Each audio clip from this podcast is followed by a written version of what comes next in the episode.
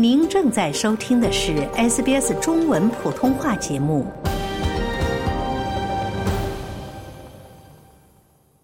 AI 技术的进步带来了很多好处，同时呢，也产生了一些问题。那么，目前在 AI 技术的应用方面，会有什么样的法规？又出现过什么样的问题呢？下面是来自悉尼一些掌握 AI 技术的工程师们提供的观点和看法。好，下面我们请来的是 Sunflower AI 公司的刘楚豪先生来跟我们分享一个智能技术在我们生活当中应用的所造成的影响这样的一个话题。你好，楚豪。你好，露水。最近呢，我们看到一条新闻哈，歌唱明星 Taylor Swift 他的个人形象因为在网上被 AI 技术各种利用，对他本人的这个。呃，个人形象啊等等，就会有很大的影响。对于这个现象是怎么看的？因为我们有一个悉尼华人的线下 AI 交流的社群，然后我在里面跟大家发起了讨论，大家对这个话题都非常的讨论的都非常积极。然后我总也是总结一下他们的想法哈。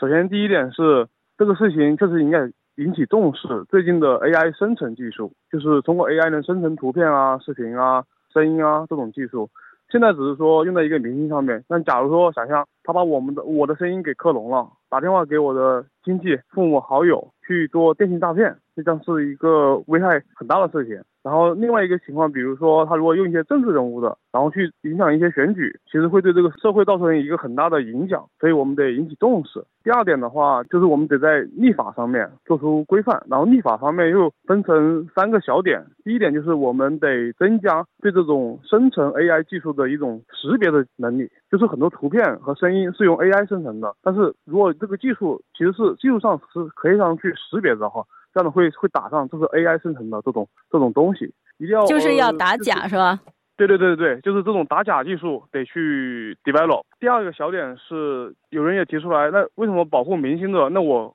普通民众的个人的数据难道就不应该被保护吗？所以说，在这种保护方面，这怎么样说能一视同仁？至少考虑到这普通民众的个人的数据的一种保护。第三点就是使用场景也不能一刀切，就比如说他如果是用来用这个数据。去用 AI 去生成泰勒·斯威夫特的，就是粉丝用它去生成他的 poster，就去支持他，就是一种正面的影响的非盈利性质的一种行为。难道我们也应该禁止吗？就是不应该一刀切，应该区分他是用这个东西是去做什么。但是如果是黑粉的话，那也可以，就是用这个形象去攻击他，也非商业行为，那好像又是不太好的社会影响。确实是的，我们的社群里面就认为这个行为应该有个界定，最后造成一个什么情况。第三个大点就是一个朋友提出来，就是说我们应该推广群众对 AI 的认知，就是比如说如果有经验的话，用 AI 生成的声音或者图片，其实你是可以看出来的。就是啊，那能不能跟我们分享一下这些经验？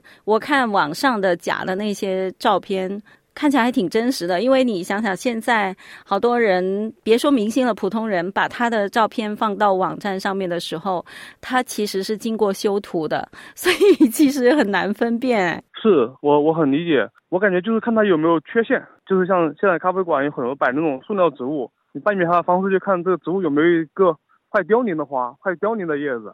就是这个，我想举一个例子哈。就是有一次我跟我夫人在看一个视频的时候，那 YouTube 视频他在配音的时候，然后他就听出来了，这个是 AI 生成的，但是我就没有听出来。但他有这方面的意识，他可能听那种断句太完美了，就这种呼吸都没有什么呼吸那种，就是有办法的。就是说你得有这个意识去分辨这个是真的还是假的。所以现在 AI 技术发达了之后，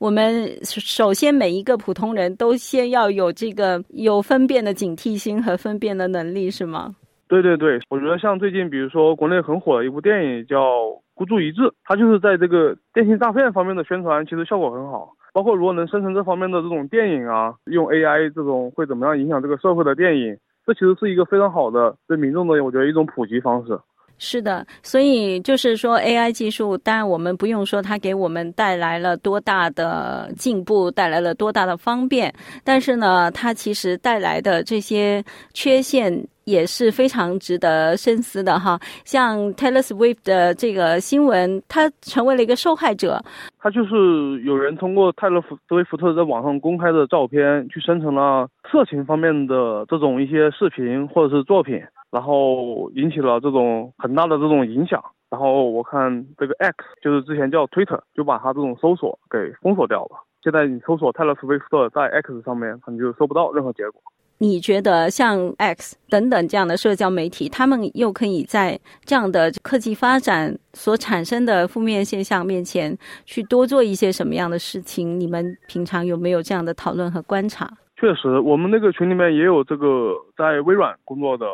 小伙伴，他们就是说微软在生成。做这种，比如说训练这个大语言模型这样的时候，就非常小心关于这个版权的事情，数据版权的问题，包括生成图片的时候，现在你用去用 ChatGPT 去生成图片的时候，一般生成出来下面都会写写一个，你要把下载下来的话，下面会写一个 generated by AI。会防止你的乱用，像一个提示一样，就像我们去消费的时候，如果要收一些手续费，它需要就是明文做一些消费的提示。那像这个呢，也是一样，就是如果你这个图片是 AI 生成的话，你也需要去做这样的提明显的提示，是吧？对对对对对，就像有时候我们去可能饭店，它上面一个什么宣传图片，然后下面右下角写了一个图文不一定相符什么之类的。包括现在 YouTube 上，大家有人在用泰勒·斯威夫特的声音。去做视频，就整个有一个很火的一个 YouTube 频道，它整个就是用泰勒·斯威夫特的声音，他可能但但他的目的是好的，是教大家数学，因为大家会喜欢他的声音，所以哪怕他讲数学，也是也是会让大家很有兴趣听下去的，是这个意思吗？对的，对的。他用这个声音会跟版权有关系吗？因为他在那个视频里面会不会特别的强调说这是 Taylor Swift 的声音，还是说他只是把声音做的特别像，让大家听了觉得很愉悦？他会说这是 Taylor Swift 的声音，那他没有说是 AI generate 的吗？这个的话他也说了，因为他就是说这是 AI generate 的，呃，Taylor Swift 的声音，对，他也说了。然后这个也涉及到另外一个版权的事情，就是说那这个人的声音的这个 accent 就这种音语音语调音色是否也是一种版权？这也是一个法律方面需要思考的事情。有没有发现一些监管机构啊，或者立法机构，就是也开始注意到这个事情，然后比较官方的在采取一些措施？对，我是有看到澳大利亚的一个 Standard 机构，应该叫 Standard Australian Standard Committee 吧。它有一个 AI Stand Committee，里面有什么样的内容？你觉得特别值得和我们分享的呢？这也是有一个朋友，他是在做专门 AI 用在工业自动化的，然后他是在加入这个 AI Stand 的一个过程中，所以他跟我说了这个事情。我有个朋友，他针对高中做了一个这种关于 AI 的产品，他需要用用到 ChatGPT 去连接他，比如说做一些这种。可能一些这种总结啊、课程啊什么之类的，然后发现在学校应用的时候，他学校是不允许，就学校整体的网络的接口，它是被这个教育部门所控制的，然后这个接口本身它是不允许接入到现在 GPT 中的，然后他可能是为了防止